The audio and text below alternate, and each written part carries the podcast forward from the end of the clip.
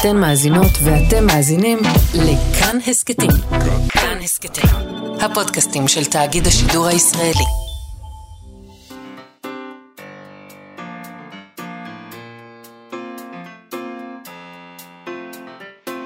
מה שכרוך עם יובל אביבי ומה יעשה לה.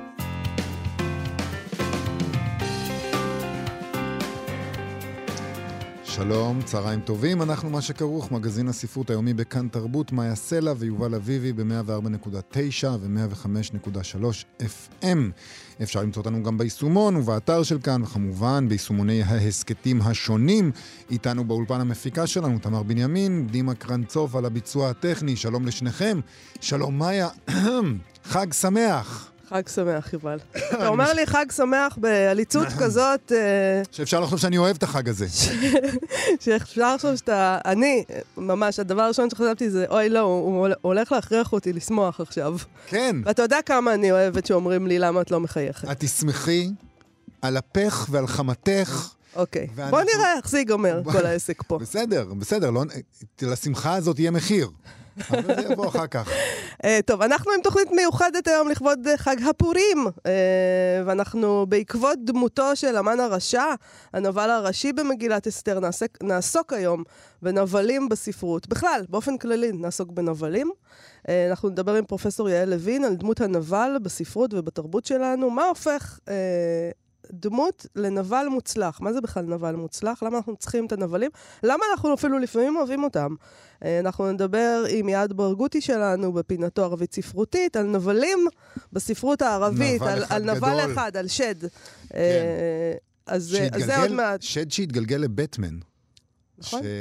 ברור לחלוטין, זה לגמרי בדיוק מה שאנחנו מדברים עליו, נכון? שד שהתגלגל לבטמן, בטמן לא ברור מי טוב ומי רע שם. זה כל העניין, בטמן הוא אפל מאוד, הוא הנסיך האפל.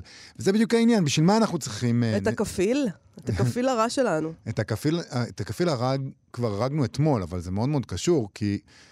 טוב, למה אנחנו צריכים... אני, האתגר שלי זה היום, זה לא להגיד נבלים, כי אנחנו מדברים על נבלים, אבל אני לא מצליח, לא מצליח לעשות את זה, תסלחו אז לי. אז המאזינים והמאזינות, כל פעם שהוא אומר נבלים, לא מתכוון. הוא מתכוון לנבלים. טוב, אז נבלים הם קודם כל נהדרים, הם הרבה יותר מעניינים אה, מאנשים טובים. אנחנו אוהבים נבלים כי הם דמויות טובות, הן משעממות. זה כמו שאנחנו שואלים, למה אין עלילות על uh, משפחה מתפקדת? כי, כאילו, מה זה מעניין? זה לא יופי, הכל טוב להם. אבל אנחנו אוהבים גם את הנבלים כי, כי הדמויות שלהם, שלהם יוצרות את העימות הבסיסי של טוב ורע. והחיפוש אחר טוב הוא הבסיס למחשבה האנושית מאז ומתמיד, ואת הצורך הזה ברוע, ברע, דייק גתה במחזה פאוסט, שבו דוקטור פאוסט פוגש את השטן, מפיסטופלס. בפגישתם הראשונה הוא מגדיר את עצמו, אני קורטוב אותו הכוח שהוא תמיד לרע שואף בלי מנוח ואת הטוב יוצר. ולאחר מכן הוא אומר בפירוט, בעוד אין רע, אין טוב. זהו, אנחנו צריכים לנב... את הנבלים כדי שיהיו לנו טובים. בשביל סופרמן אנחנו צריכים את לקס לותר, בשביל בטמן צריך את הג'וקר, בשביל הארי פוטר צריך את וולדמורט, ובשביל מרדכי אין ברירה, חייבים את המן הרשע. נכון. גתה בפאוסט אה, משקף איזה אמת לא נעימה על נבלים וגיבורים.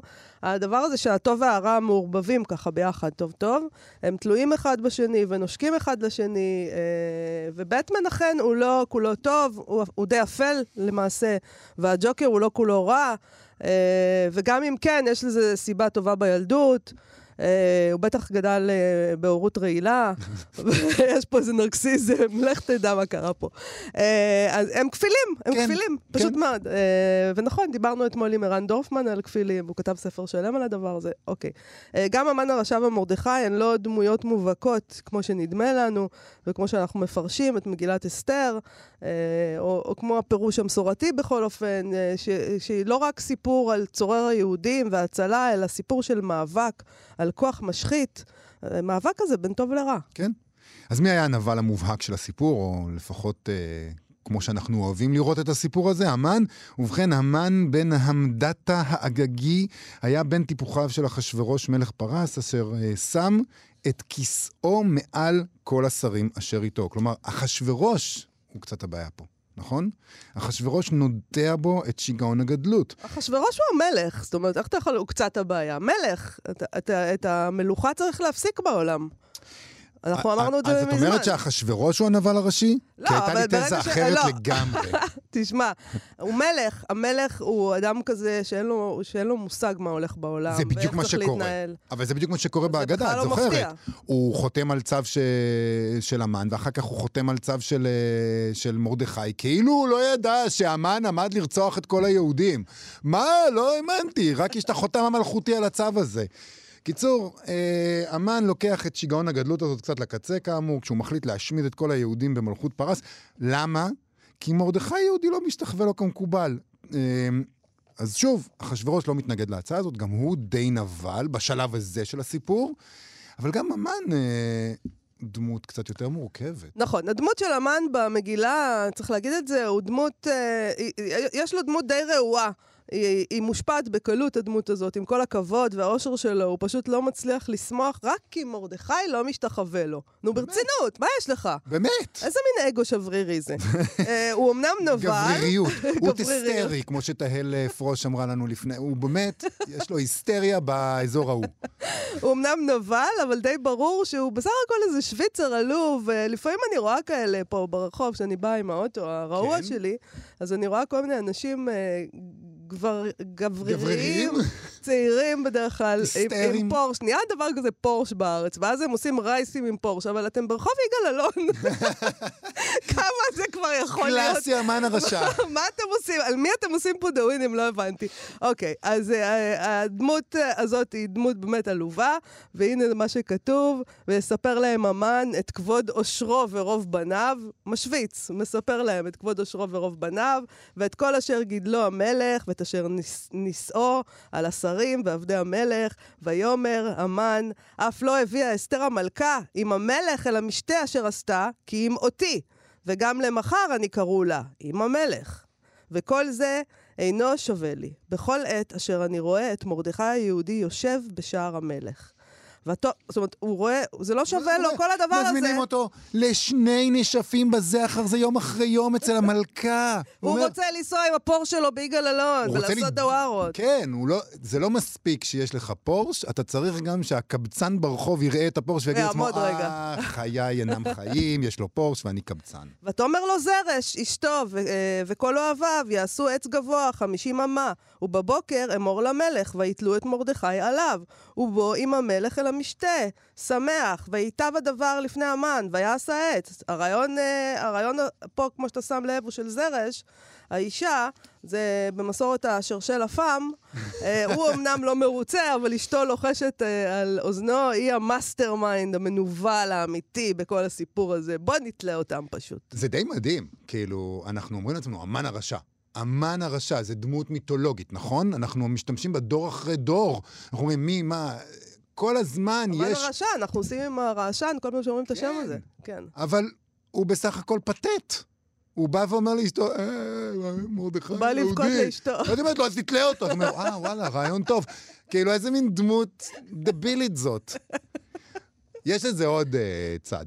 זה ביקורת ספרות מאוד חריפה, מה ששמעתי פה. שהיא דמות איזה דבילית? דמות דבילית. כן, אה, כשזוכרים מי שכתב את היצירה, כן? אני לא רוצה... אבל את יודעת מה אומרים על מות המחבר, כן? היצירה שייכת לקורא. נכון. לא, לא, אני בעד הביקורת. קדימה, גם הסופר פה איננו כבר, אז אפשר אה, להשתולל עליו. אז אני, אז אני רוצה להגיד לך שגם בצד השני של המגילה יש לי ביקורת ספרות מסוימת. אנחנו זוכרים את המגילה מסתיימת בתליית המן, ובהפיכה של מרדכי ליועץ המלך במקומו, וחגיגה גדולה, ואיזה יופי. מה שבא אחר כך הוא הנקמה.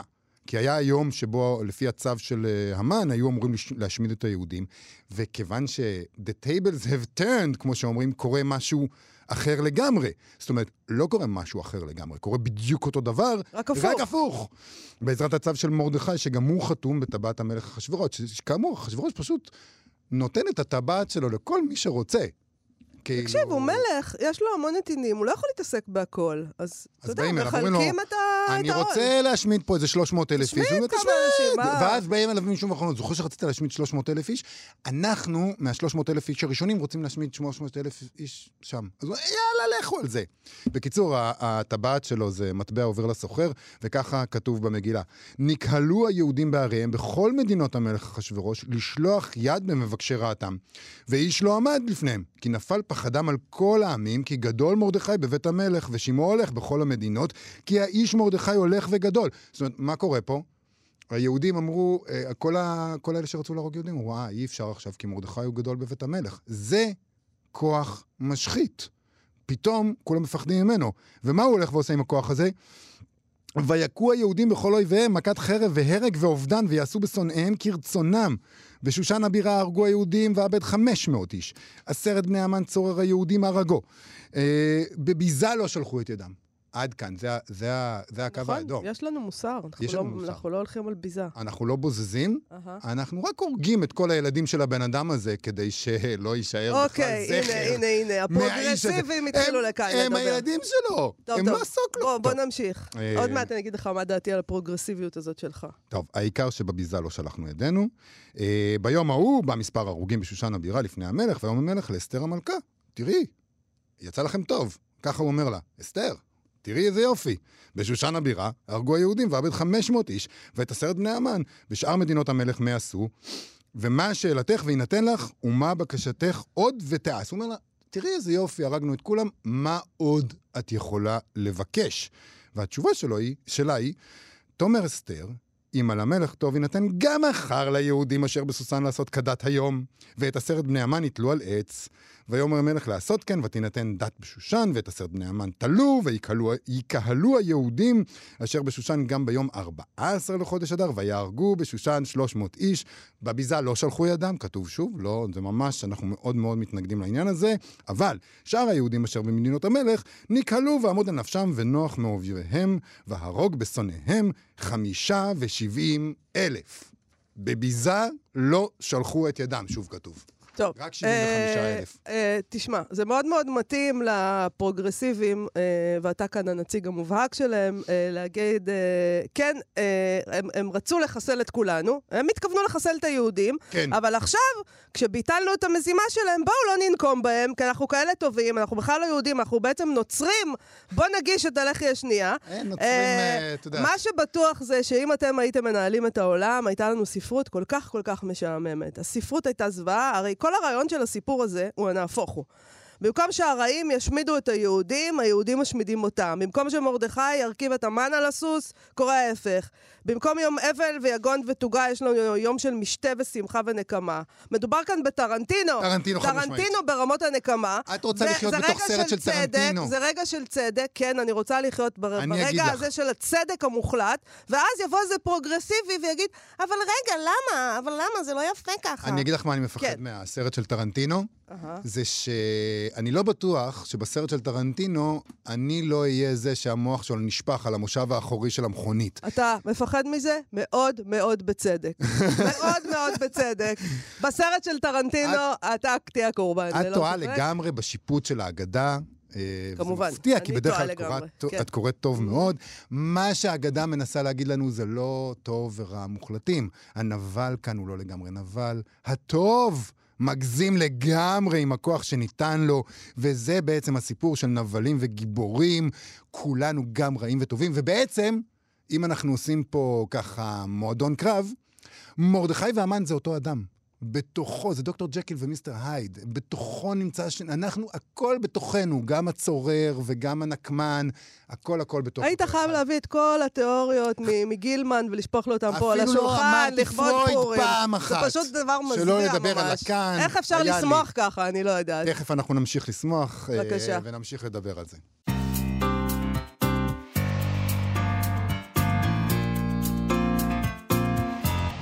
תוכנית מיוחדת לפורים על נבלים בספרות בעקבות דמותו של אמן הרשע.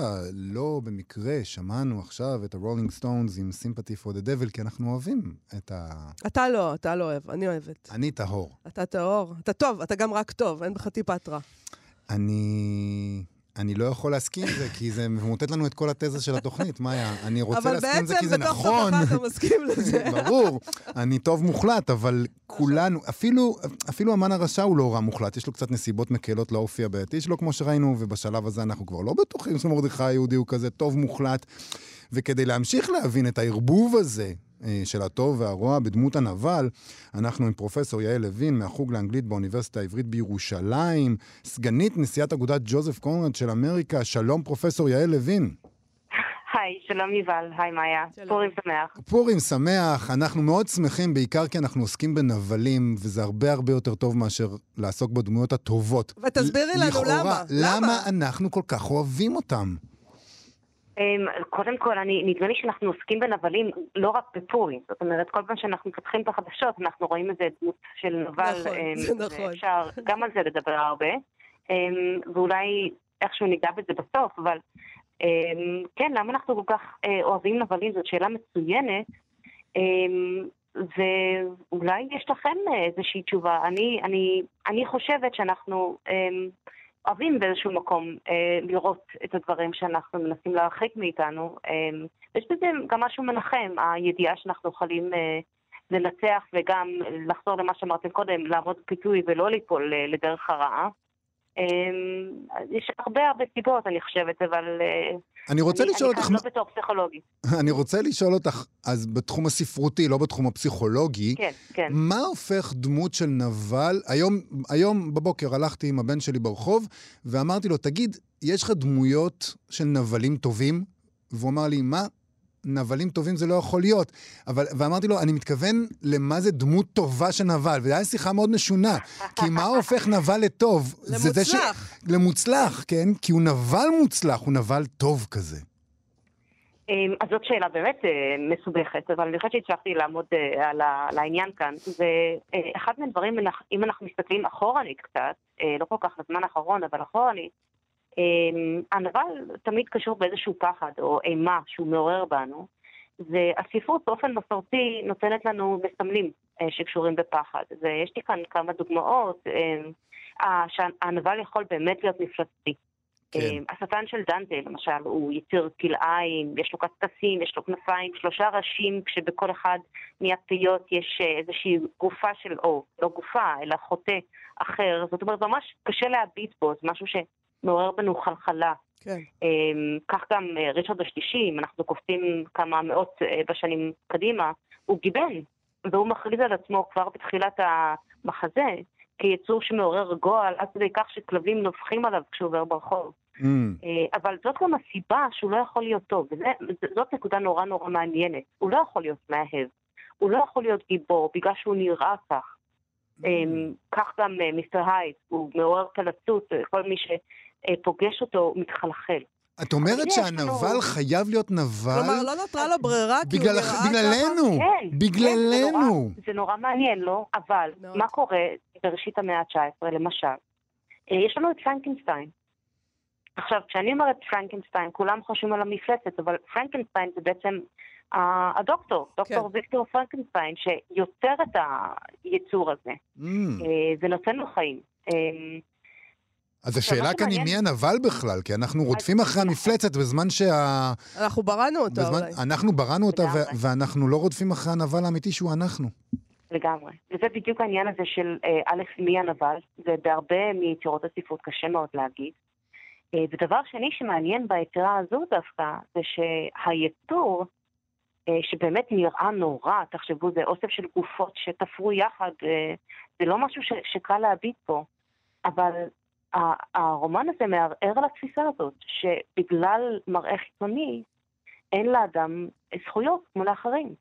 בגלל שהוא נראה כך, אז דבר ראשון, אה, ויקטור זורק אותו מהבית או מת- מתחבא, לא יכול לשאת אה, את, את המראה הזה. זאת אומרת שהאב שלו, מי שהביא אותו, נתן לו חיים, אה, דוחה אותו. אה, ויש כאן גישה מאוד דרמטית של אה, שוויון, של אה, לא ייתכן ההיררכיה הזו שמבוססת במקרה הזה על יופי, אה, שבאמת אה, קשורה לנאורות ולאידיאולוגיות ש... ש... הם באות סביב המהפכה הצרפתית של שוויון ואחווה. זאת אומרת, הספרים האלה, יש בהם משהו דידקטי. אומרים, מה, אתם עכשיו לגמרי. שופטים אנשים לפי איך שהם נראים? מה, אתם חיים. במאה ה-17? אנחנו התקדמנו, אנחנו כבר מודרניים. עכשיו, זה שהיצור הזה הורג אה, על ימין ועל שמאל, זה, אתה יודע, זה... אבל שוב פעם, זה כמו ריצ'רד שלישי. איזו הוא לא ברירה להיות יש טוב. לו? כן. הוא לא יכול להיות טוב, אנשים לא מקבלים אותו. הוא, הוא מנסה, הוא מנסה להתקבל לחברה, אבל פשוט אף אחד לא... ברגע שרואים אותו, אז אה, בורחים או, או זורקים עליו דברים, הוא פשוט אי אפשר לקבל אותו לחברה.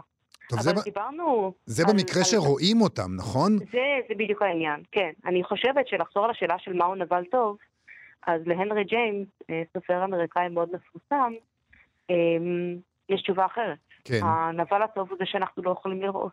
Mm, והוא אה, כותב את זה בהקדמה לטבעת החנק, אחת מהנובלות המרתקות שלו, על רוחות רפאים שנגלות לילדים, דבר מזעזע ומרתיע. אבל אה, הנקודה היא שכל מה שאנחנו יכולים לדמיין בתור קוראים, יהיה מאיים, אה, מאיים יותר ממה שהוא יכול לשים על הדף. כי כי מה שמתחולל אצלנו בנפש, מה שמתחולל אצלנו בדמיון, הוא הרבה יותר גרוע בדמיון. מכל מה שאנחנו יכולים באמת אה, לכתוב. איך זה בא. לידי ביטוי בספרות? זהו, אז um, הרבה יותר גרוע מקשקשים וכנפיים um, משולבים יחד באיזשהו יצור כלאיים. יש לנו נבלים בספרות שאנחנו פשוט לא כל כך רואים. ומובי דיק זה, זה, אני חושבת, דוגמה מצוינת.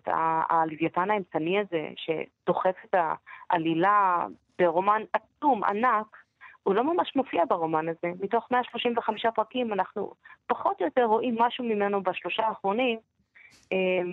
אבל זה בדיוק העניין, אתה רואה את הספנים האלה יושבים על הסיפון, וכל אחד מספר, אני שמעתי שהוא כזה, ואני שמעתי שהוא כזה, וכולם ביחד יוצרים איזושהי מפלצת שפשוט אי אפשר לתאר, וכל אחד חושש יותר מהשני, כך שהם כולם כל כך אה, מאוימים בסוף על ידי הדבר הזה, זה כל כך מוסיף לדמות הזו. זה מעניין, זה שני רבדים של הדבר הזה. זאת אומרת, אנחנו ניזונים מהסיפור, בספר הזה, מהסיפורים שהמלאכים מספרים אחד לשני, על דמות שבסופו של דבר, צריך להגיד, היא לא הנבל האמיתי בספר, היא חיה, מה היא יכולה לעשות. מי שנבל פה אולי זה מי שמתעקש לרדוף אחריה.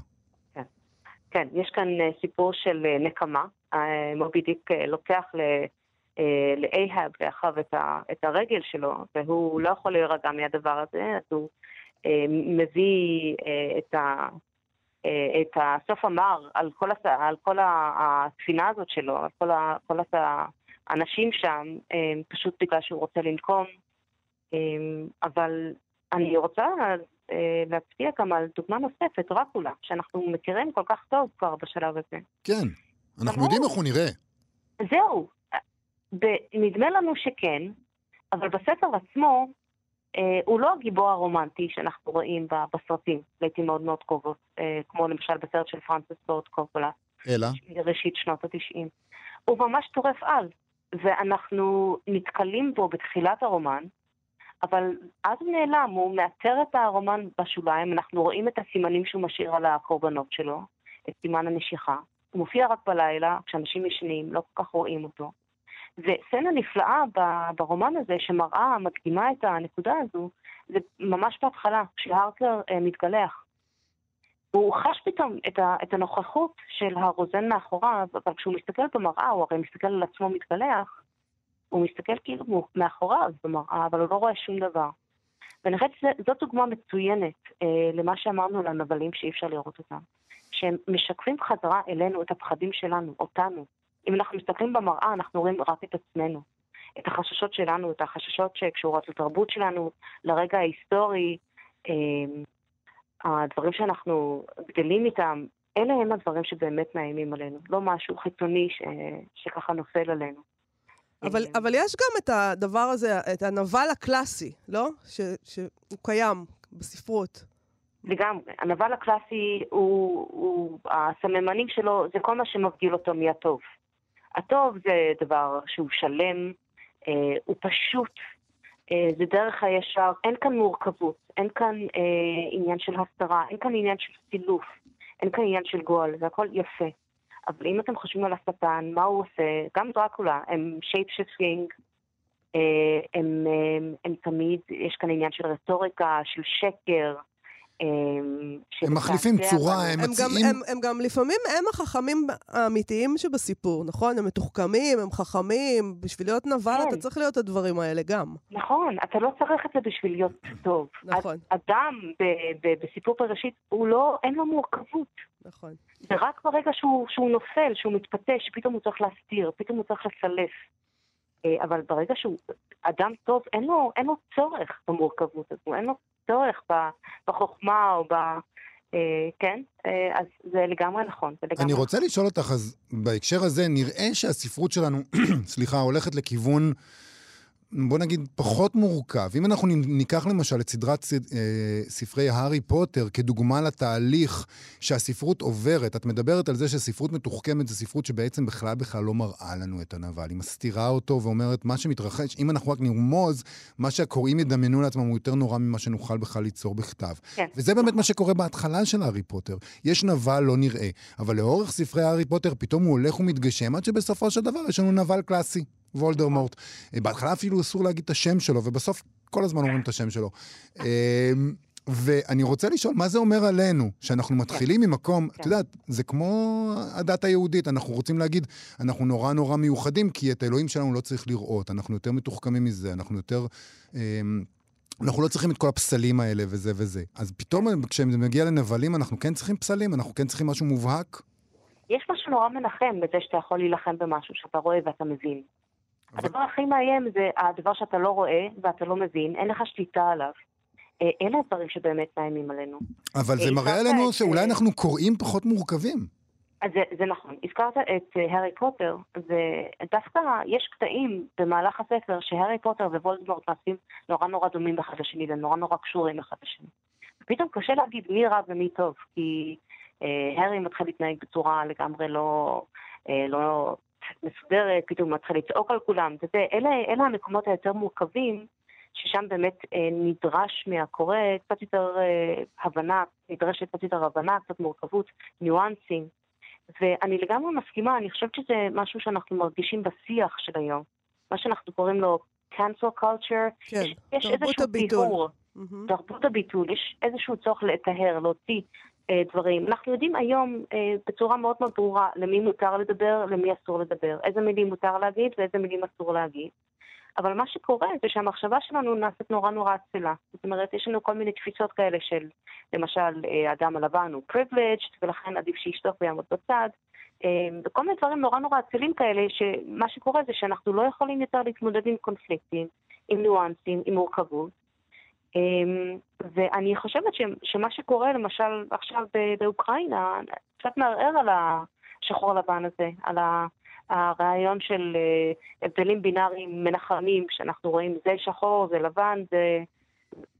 אין לנו יותר את הדבר הזה. אנחנו רואים שגם באירופה יכול להיות שגם האדם הלבן יכול להיות מדוכא ומאוים, אמ, ואי אפשר אה, להשת...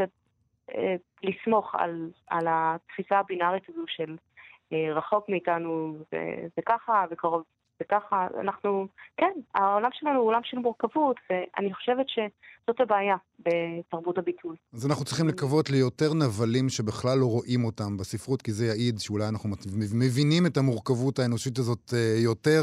פרופסור יעל לוין, תודה רבה לך על השיחה הזאת. תודה לכם, שמח. חג חג שמח. להתראות. עכשיו, ערבית ספרותית.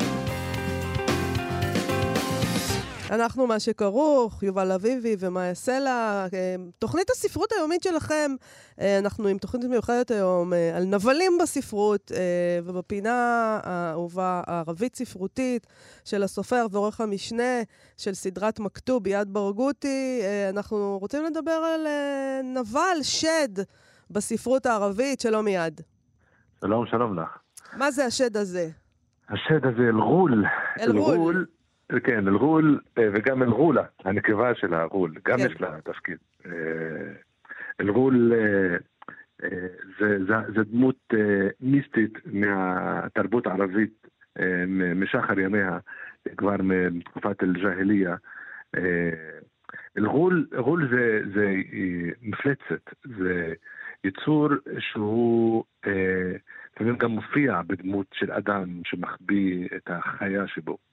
אה. אה, זו דמות שבעצם עד, ב- גם בילדות שלנו, כל הזמן הפחידו אותנו מלגול. אה, זאת אומרת, ילד, אה, ילד בתרבות הערבית, זה, זה הנבל כאילו שאומרים לו, אם אתה תתנהג לא יפה, יבוא יבוא האלרול שוטר, וייקח לנו אותך. אמרו יבוא שוטר.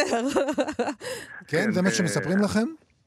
כן, אז אה, אם אם לא תישן מוקדם יבוא לך אלרול, אם לא Mm. תשמע את מה שאומרים לך יבוא לך אלרול. איך אתה אמור להירדם אם אומרים לך, אם לא תלך לישון, יבוא המפלצת. איך אתה אמור להירדם עכשיו? אתה יושב אה, במיטה רגע, ובחושך. אבל- אבל יש... ד- יש... אה, ה- ה- העובדה שזה עבד, אם עבד, המפלצת- מפחידה מספיק זה עובד. אבל יש לו כן. דמות ל- לשד הזה? לאלרול? הוא כאילו, יש איזה תיאור של איך הוא נראה? יש, יש הרבה תיאורים ב, אה, בספרות הערבית ל- לאלרול, ממש הרבה תיאורים. בוא נגיד, כולם מפחידים. אוקיי.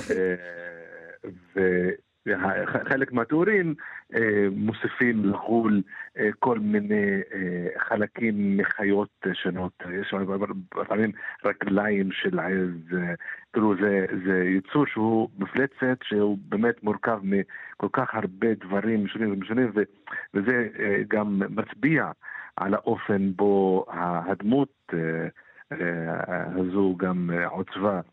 כי דמות שהיא ממש ייחודית, שהיא היא לא חיה והיא לא בן אדם, היא לא ז'ן, אה, אבל אה, היא לא גם אדם, זה משהו שגם משקפת את, ה, את כל מה שמפחיד אה, במדבר, את כל מה שמפחיד במסע ממקום למקום בתוך אה, אזורים שהם... זה באמת, זה לא רק, ההפחדה של הילדים מה, מה, מהגול, זה, זה בעצם, איך שלפחות שאני רואה את זה, זה המשך של ההפחדה של האנשים מהמקומות שהם אה, אה, פחות מוכרים, אה, אה, מכל מקום שהוא מחוץ לבית, מכל מקום שהוא מחוץ לכפר, בכל מקום שהוא... אה, אז האנשים כש- כשנוסעים הם מפחדים מלגול כי הם כבר במקום שהוא אה, אה, לא מוכר. כן. אה, אז זהו. אה, זה באמת, תוכל לדמיין מין מסע בתוך, אה, אה, בתוך אזור מדברי, ועם כל הקולות, ועם כל... זה, זה ממש, זה, זה המקום הזה, ש, שזה הפחד מהלא נודע. אז אני, אני רוצה לשאול אותך, ברור לחלוטין שמדובר כזה בסיפור עממי, להרבה מאוד תרבויות יש את הסיפורים העממיים האלה מהרע המוחלט שמאיים עליך. זה מתגלגל גם לספרות המודרנית? זאת אומרת, עדיין זה מין, אה, זה מין מיתוס כזה שסופרים ישתמשו בו, סופרים וסופרות ישתמשו בו כדי ככה לציין את הרוע המוחלט? אה, זה, אפשר, אפשר גם לחשוב אה, ולשאול לגבי ה- ה- ה- הרוע של הלגול, זה מוחלט או לא. אוקיי. אה, דווקא מה ש... א', זה, זה, זה עד היום, גם בספרות וגם בספרות העממית ו, וגם, וגם ב, ב, בשפה של האנשים ביום-יום, זה לא, לא רק בממד הספרותי, אה, גם האוראלי והכתוב, זה, זה חלק מה, מהתרבות החיה של האנשים. זה, וגם כשמתארים מישהו שהוא לא נראה טוב, בלשון המעטה, אז אומרים שהוא זה גבול. וואו, מעליב. אה, זה, זה, זה מעליב. אה, לפעמים זה בצחוק, אבל לפעמים זה, זה, זה ממש מעליב. אבל, אה, אבל כן, זה, זה, זה, זה בתוך התרבות עצמה אה, היומיומית ובתוך הספרות אה, עד היום, וגם זה השפיע גם על, על הספרות המערבית. אלגול אה, זה גם דמות שנמצאת ביצירות ספרותיות וקולנועיות שונות, גם בשם. אה, מה, שדווקא מעניין זה האופן בו בסיפורים שונים האדם, הפרוטגוניסט, הגיבור של הסיפור, אה, דווקא ניצח את אלגול. ולרוב אתה רואה שהאדם ניצח את אלגול כשנהיה האדם בעצמו גול. אה, ה- כשלמשל בסיפור עממי פלסטיני נוסונסס, ששם אה, אה, יש את הדמות של, ה, של הילד שמנצח את, ה, את אלגולה בסופו של, ה, של, ה, אה, של הסיפור, בכך שהוא גם משתמש ב, ב, באותן טכניקות שהאלגולה השתמשה בהן במהלך הסיפור בכדי ל... זאת אומרת, זה איזו אזהרה. כזאת, שאם אתה מתעסק עם הרוע ואתה רוצה לנצח אותו, אתה תהיה רע בעצמך. אתה צריך להשת- להשתמש בטכניקות שהוא משתמש בהן. יש שם, הדמות של אלגולה בנוסונסס, נוסונסס זה סיפור מאוד יפה. נוס זה חצי, ונוס סונסס זה כאילו חצי ועוד אה, אה, אה, חצי קטן כזה, נוסס, זה כאילו זה, אה, זה סירה פזריר, זה מין גרסה של הקטנה, של, אפילו של, של חצי, אז זה מישהו שהוא מאוד מאוד קטנטן אה, כזה, ש, שגם יש בו חוכמה. וזה סיפור מאוד מעניין, זה סיפור של שאבא שלו אה, אה, לא, לא, כאילו, היה נשוי לשתיים, בת דודו ועוד מישהי זרה, אז לא הצליח להביא ילדים, אז הלך אצל אלגול וסיפר את הגול, אה, זה, זה מהלך כאילו שתמיד עושים בכדי לקבל משהו מהגול, אתה צריך לספר אותו. אז הוא סיפר את הגול והוא אמר לו ללכת לגול, לאחיו הגול האחר, ובסוף הגיע לאלגולה. ש... שהוא גם ינק ממנה, מאלרולה, האבא, ואז היא נתנה לו שני אה, רימונים, אה, ואמרה לו שתן לכל אחת מרשותיו אה, רימון אחד, והוא אכל חצי מהרימון כי היה רעב, אז נולד לו, נולד לו בעצם חצי ילד. כן, זה, אבל, זה, זה, זה אדיר. אבל זה נורא מעניין, כי כאילו אתה, אתה יונק את, ה, את, ה, את המאפיינים המפלצתיים אל עצמך, אתה כן. לוקח מהם כן. את הפרי הלא טמא הזה, הפרי המפלצתי, ואתה אומר, כן. איך אני אעשה ילד? אה, ברור, אני אשתמש במאפיינים של המפלצת, זה בטח יעבוד כן. טוב. כן, היא גם טחנה סוכר, אז הוא גם לקח מהסוכר שהיא טחנה. אה, בנוסף ל... זה גם מסמל אה, אה, הרבה דברים, אז בסופו של דבר החצי ילד הזה, בגלל שהערמומיות שלו, שהוא, שהוא גם קיבל מה, ממה שאביו ינק מהרולה, אבל גם מתוך הניסיון שלו, איך הוא בסופו של דבר הצליח להתעמת והוא הביא אותה לכפר, ואז היא... ואז אנשי הכפר גם שרפו את אל-עולה, וזה אקט גם של, לדעתי, גם של אה, אה, מידה מסוימת של אה, אה, תודעה אה, שהיא, שמנצחת את, את אל-עולה עצמה.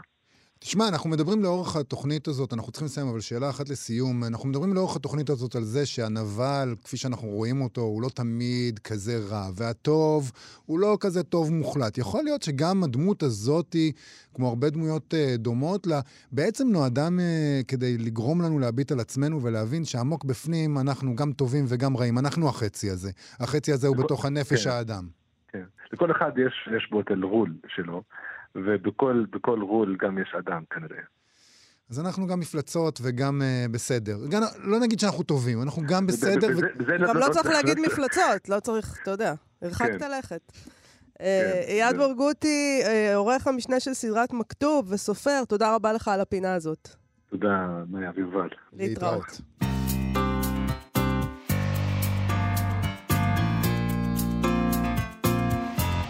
אנחנו בתוכנית מיוחדת לפורים, בעקבות דמותו של המן הרשע, נבלים בספרות. אנחנו, אם אנחנו נזכרים בספרות שבה יש דמות של נבל רציני, אנחנו רואים תמיד, כמו שראינו כבר במהלך התוכנית הזאת, שעניינים די מורכבים. אה, פרופסור, אה, דוקטור, פרופסור יעל לוין אמרה לנו, שדיברה אה, איתנו על פרנקנשטיין, כולנו זוכרים את המפלצת, אבל הנבל המטורף הוא דוקטור פרנקנשטיין שבורא אותה, אז אנחנו מסתברים על הספרות הגותית שעסקה כל הזמן הזה במאבק בין טוב או רע, אז יש לנו עוד דוגמה, נגיד דוקטור ג'קיל ומיסטר הייד, שהנבל והאדם הרגיל הם אותו אדם, כמו שהאלרול נמצא בכולנו, אנחנו, אנחנו כולנו, אפילו אם אנחנו רופאים טובים, עדיין יש בתוכנו את הרע. והכל אה, מעורבב אה, אה, זה בזה. נכון. אה, פרופסור יעל לוין הזכירה את מובי דיק, אפשר להזכיר גם את הספר מלטעות, שעליו מבוסס הסרט המפורסם. לא, לא פעם בספרות, מי שמייצג את הנבל זו חיה שטנית ודמונית, דיברנו על זה היום. אה, אולי כדי, אולי מנסים להזכיר לנו שבעולם הטבע אין דבר כזה נבל. אה, כל השיפוט הזה בכלל של טוב ורע, זה רעיון אנושי. אה, מובי דיק, הלוויתן והכריש במלטעות הם לא נבלים, זה חיות שמתנהגות כמו חיות בממלכה שלהן. אה, שהאדם פלש להם לטריטוריה. מה אנחנו עושים שם בכלל? אנחנו, מה, מה זה הדבר הזה? אז מה הן עושות? הן אמורות, איזה ברירה השארנו ללוויתן ולכריש? אה, אתה יודע, קפטן אחאב המגלומן הוא הנבל האמיתי, שגורר למוות את כולם ביחד איתו, והחיה, כשאתה נכנס לטריטוריה, היא עושה את מה שהיא יודעת לעשות. נכון. אז דווקא בעצם כל ה... את יודעת, אנחנו מתייחסים הרבה פעמים לספרים שהולכים עד הקצה, כן? דיברנו על uh, קומק מקארתי לאחרונה, כי יש לו ספרים uh, חדשים uh, שעתידים לצאת. אנחנו uh, מדברים על הדמויות שלו. Uh, כדבר מזעזע, קשה מאוד לקרוא את הספרים שלו. אולי בעצם זה יותר קל לנו כשמדובר בפסיכופטים שהספרות נכון. מציעה לנו. אנשים כמו חניבל לקטר מהספר שתיקת הכבשים, פטריק בייטמן מ American Psycho, הגיבורים של קורמק מקארתי בלא ארץ לזקנים, אה, וקו אורך דם, אנשים שמבחינתנו הם פשוט איבדו צלם אנוש. למרות מה- שאני רואה הבדל בין, אה, אני חייבת להגיד לך, בין שתיקת הכבשים לדברים שקורמק מקארתי כותב. כן? בטח. כי הוא, הוא כותב על איזה מין מצבים כאלה של סוף העולם, ואז... כאילו, מה תעשה? מה אתה אמור לא לעשות? יודעת, ואז אנשים אה, קוראים להם דברים.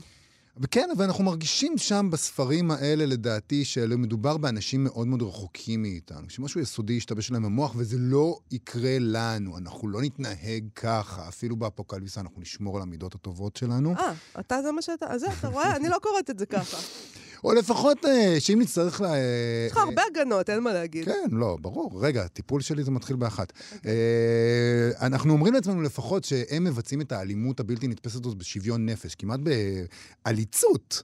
הם ממש שמחים ככה לקרקף אחד את השני, וזה מאפשר לנו להרגיש יותר טוב עם עצמנו, כי אנחנו לפחות, אם נאלץ להתנהג ככה, לפחות נרגיש רע אחר כך. תשמע, הספרות uh, מציעה לנו, אני חושבת, גם אפשרות להבין אנשים שעושים דברים איומים כאלה, נבלים מוחלטים.